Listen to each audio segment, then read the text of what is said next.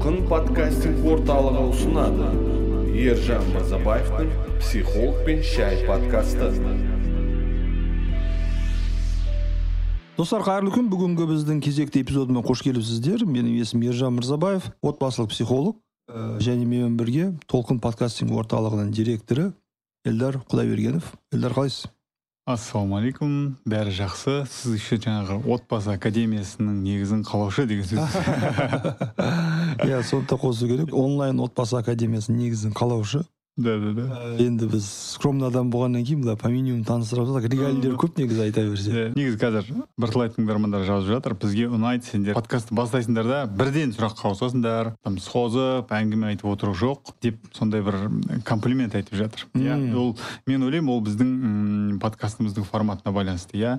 Бір эпизод бір сұрақ и бір жауап. Бүгін біз сіздермен мынандай бір қызықты маңызды біздің еліміз үшін актуальный тақырып талқыласақ деп жатырмын эльдар бұл ажырасу дұрыс па деген.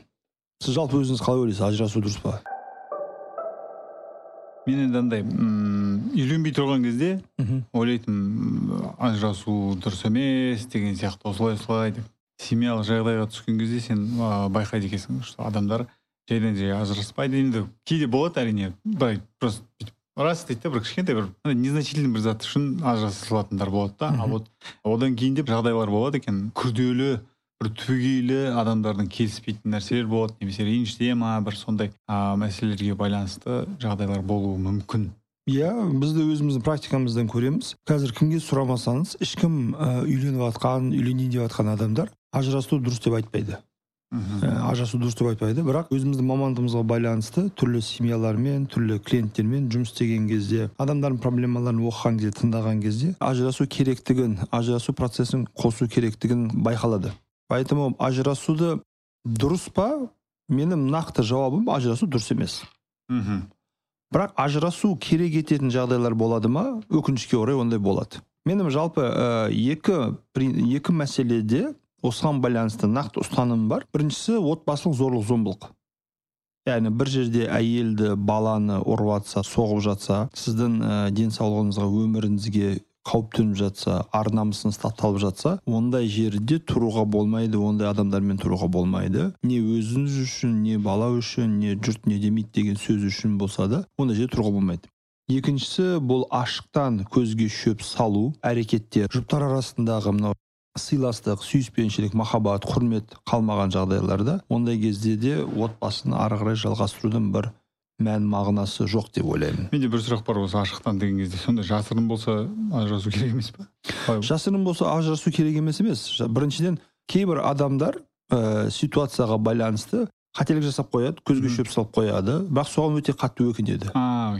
түсіндім иә. Ана сіздің айтып жатқан жағдайыңыз қазақта бар ғой бетімен кеткен деп. Иә иә иә. Иә. ашықтан айта береді мен кеттім мен келмеймін мен қонбаймын мені іздеме саған не үйдің үйдің жинап тамағын пісіріп үйде бір әйел ретінде емес бір жолдас бір серіктес бір партнер ретінде емес бір үйдегі бір служанка мен нянька сияқты әйеліне қарайтын адамдарды айтып жатырмын. Ал адам болғаннан кейін кейде ер кісі кейде әйел кісі сондай ыңғайсыз жағдайға түсіп қалуы мүмкін.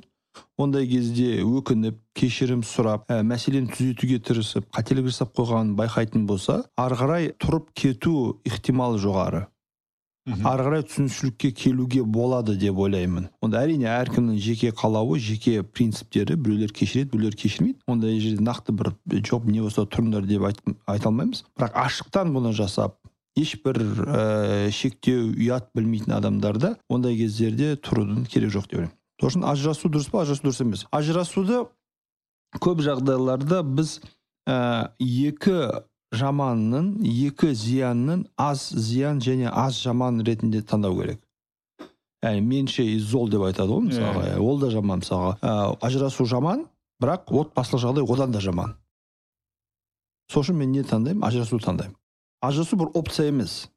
Яғни ішім пісті ажыраса саламын ішім пісті некені бұза саламын ішім пісті там кете саламын дейтіндей бір опция бір вариант бір еріккен кезде шығып кете салатын қоя салатын дүние емес оған максимально жауапкершілікпен қарау керек демек отбасылық жағдай отбасылық қарым қатынас соншалықты нашар соншалықты жаман соншалықты қиын дәрежеге жеткен что біз ажырасу сияқты жаман қиын ауыр нәрсе таңдап бір маңызды момент бұл жерде. Ажырасу мен мысалы қанша кісілермен жұмыс істедім қанша кісілер маған күнделікті инстаграмнан түрлі әлеуметтік желілерден имейлден бізге хат жазып бөлісіп тұрады. Ажырасу әрбір тарап үшін өте қиын дүние екен. Что ер кісі үшін болсын что әйел кісі үшін болсын. Ажырасудан өте қатты қиналады ажырасудан өте қатты сескенеді және ажырасудан өте үлкен стресс алады.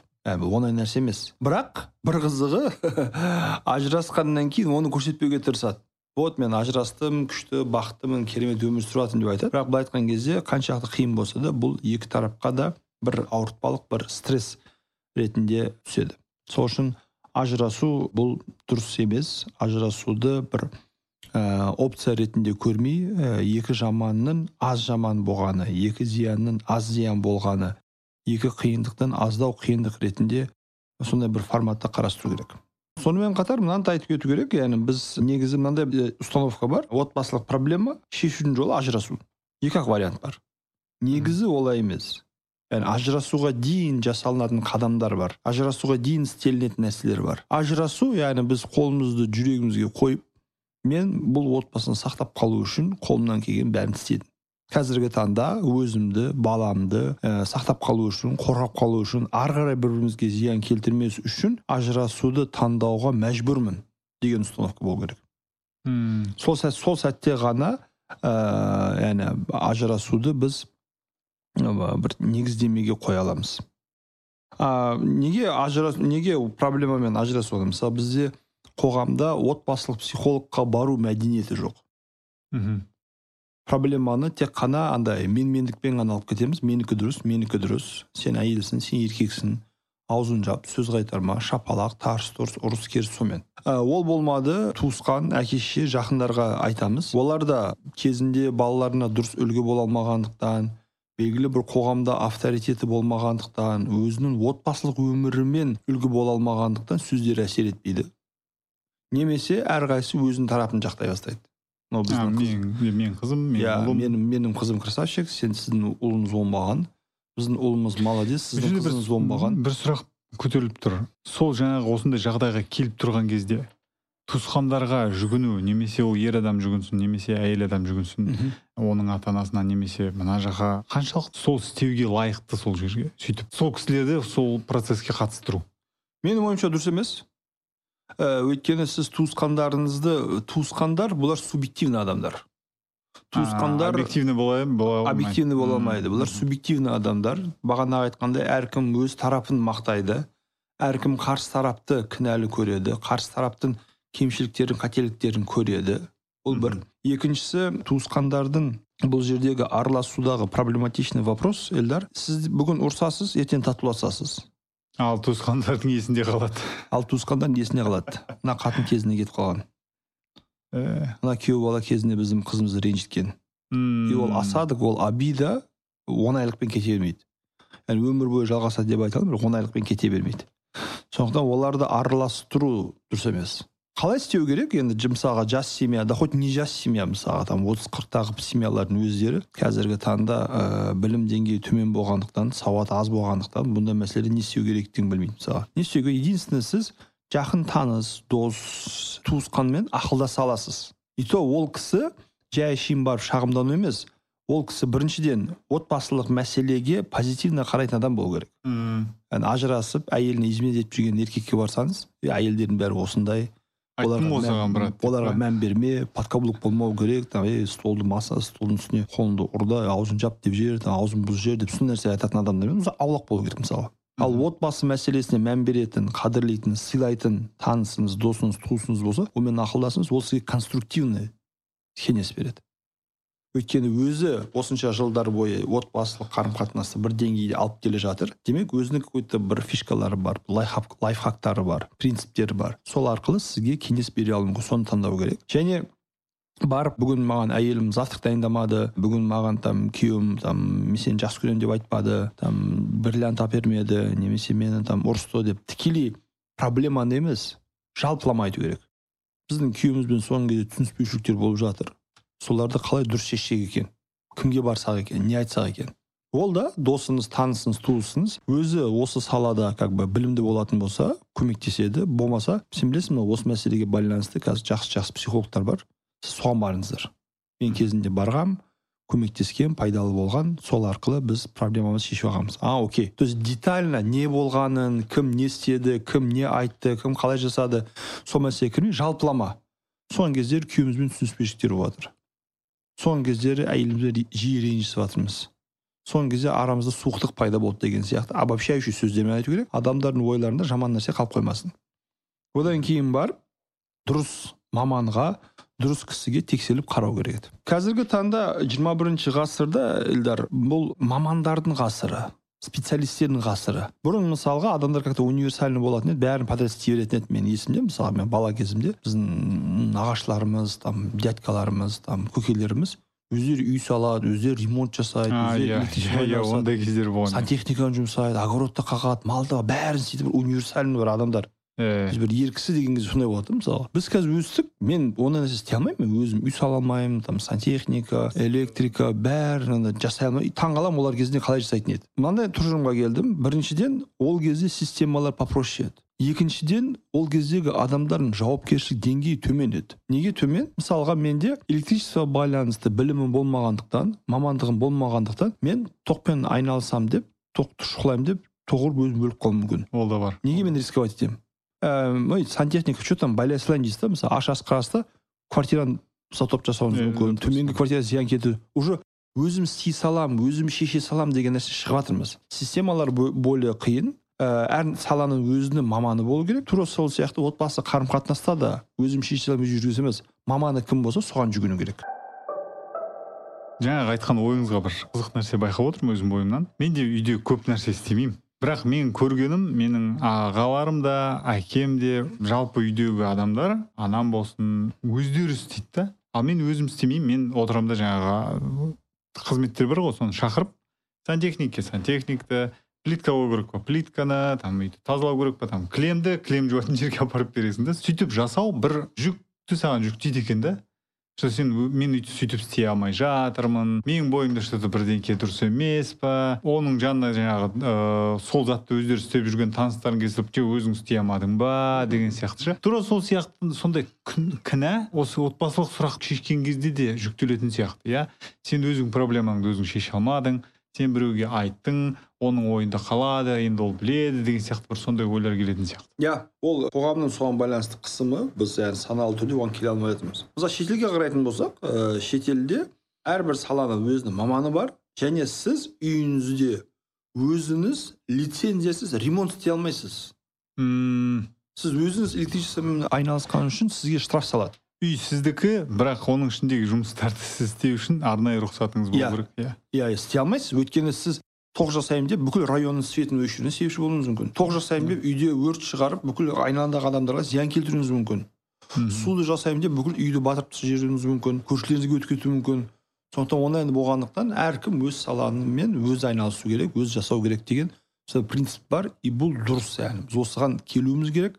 Келе жатырмыз. Оны универсальный солдат болудың керегі жоқ. Бұрын олай болатыны өйткені мамандар аз болатын. Ол, ол жағынан мен келісемін. Менде мынандай бір ой болып тұр да қазір осы ажырасу деген әңгіме көтерілген кезде менің басыма бірінші бірден мақал келді да. Сіз де білетін шығарсыз оны. Қандай жаман қатын кетем деп қорқытады деген. Мхм. Осы мақал туралы ойыңызды айтып өтсеңіз. Жаман қатын кетем де. Қазақтың бір сұмдық мақалы. Мен оны мақтап отқан жоқпын бұл мақалды ше. Бірақ бұл біздің қоғамда бар және қолданылып жүрген бір мақалдардың бірі да.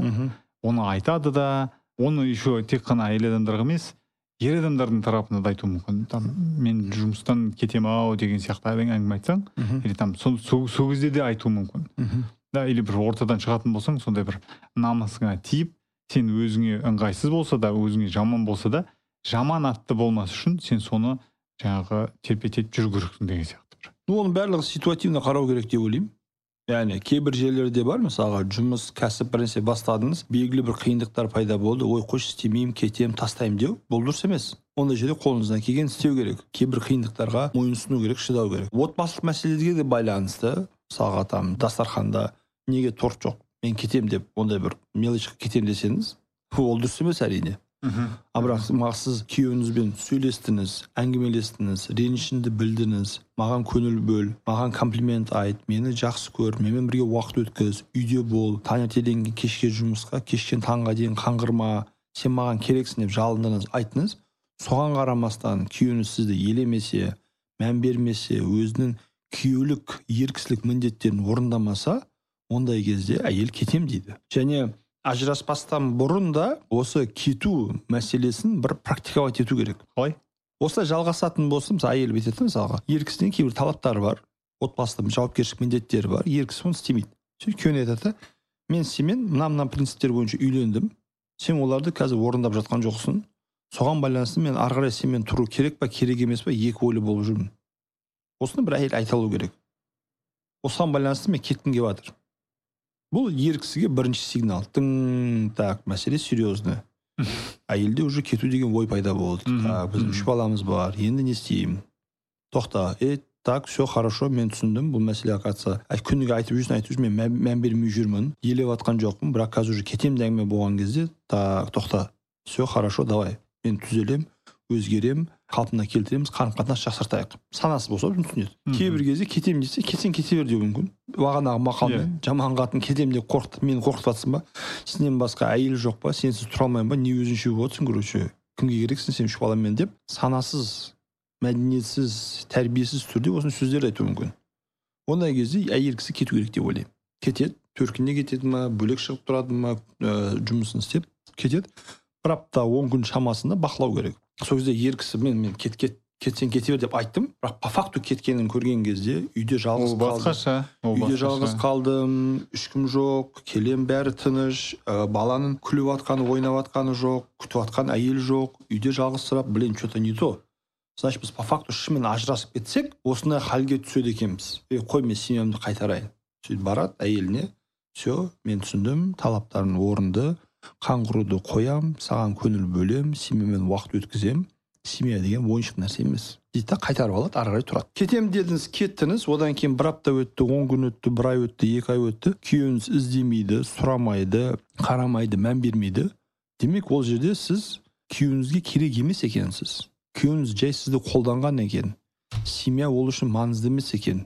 Спокойно кетем деген адамға кете бересің. Сіздің айтқан ә, претензияларды сіздің айтқан шағымдарды ескермейді оларды түзетуге тырыспайды оларға мән бермейді. Одан кейін уже ажырасу процесін ойлауға болады. Бірақ осы кезеңде енді ер тарапын ер кісі еркек тарапынан болсын әйел тарапынан болсын бұл мәселе бір көкіректік мәселесі қылмау керек.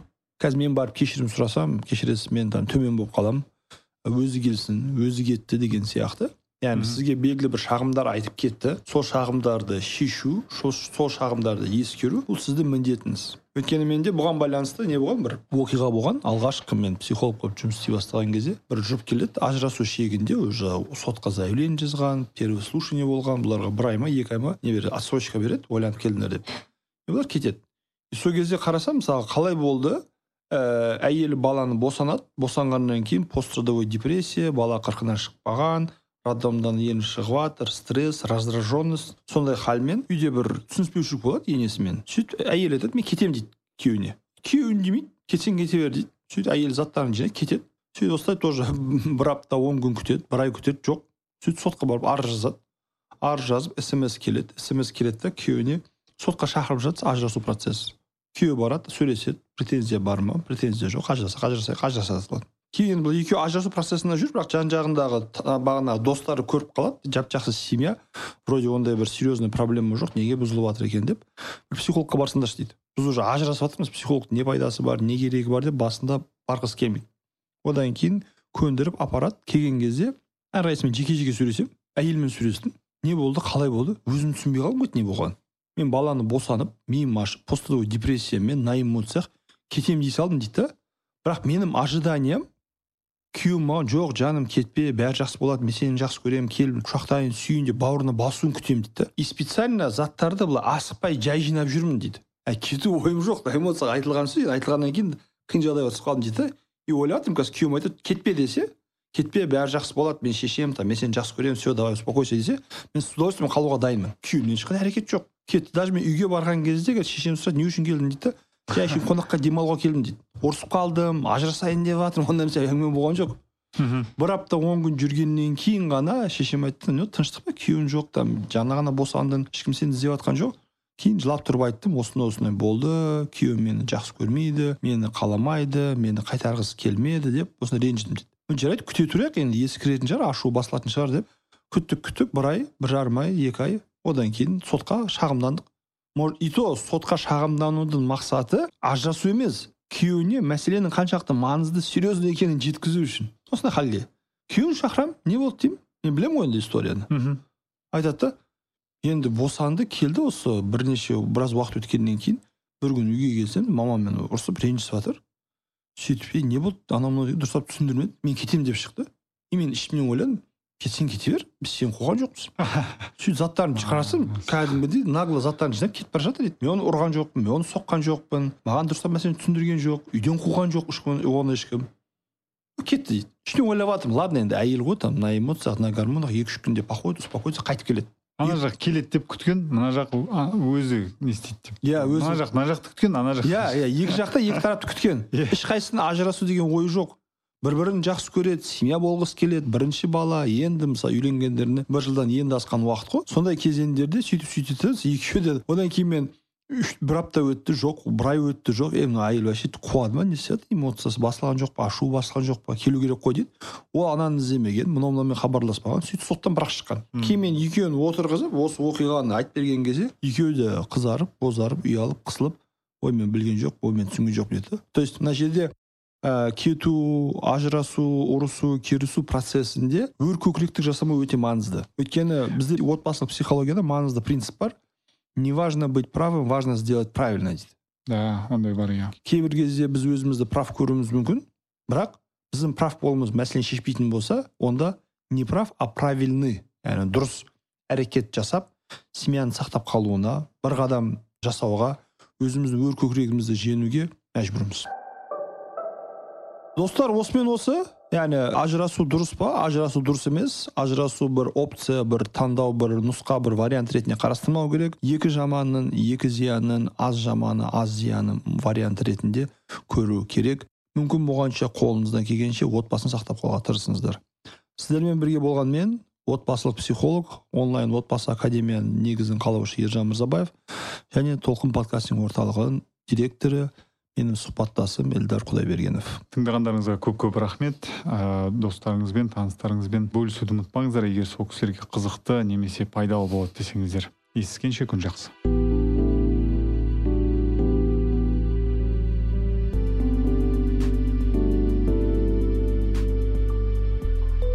Толқын подкастинг орталығы.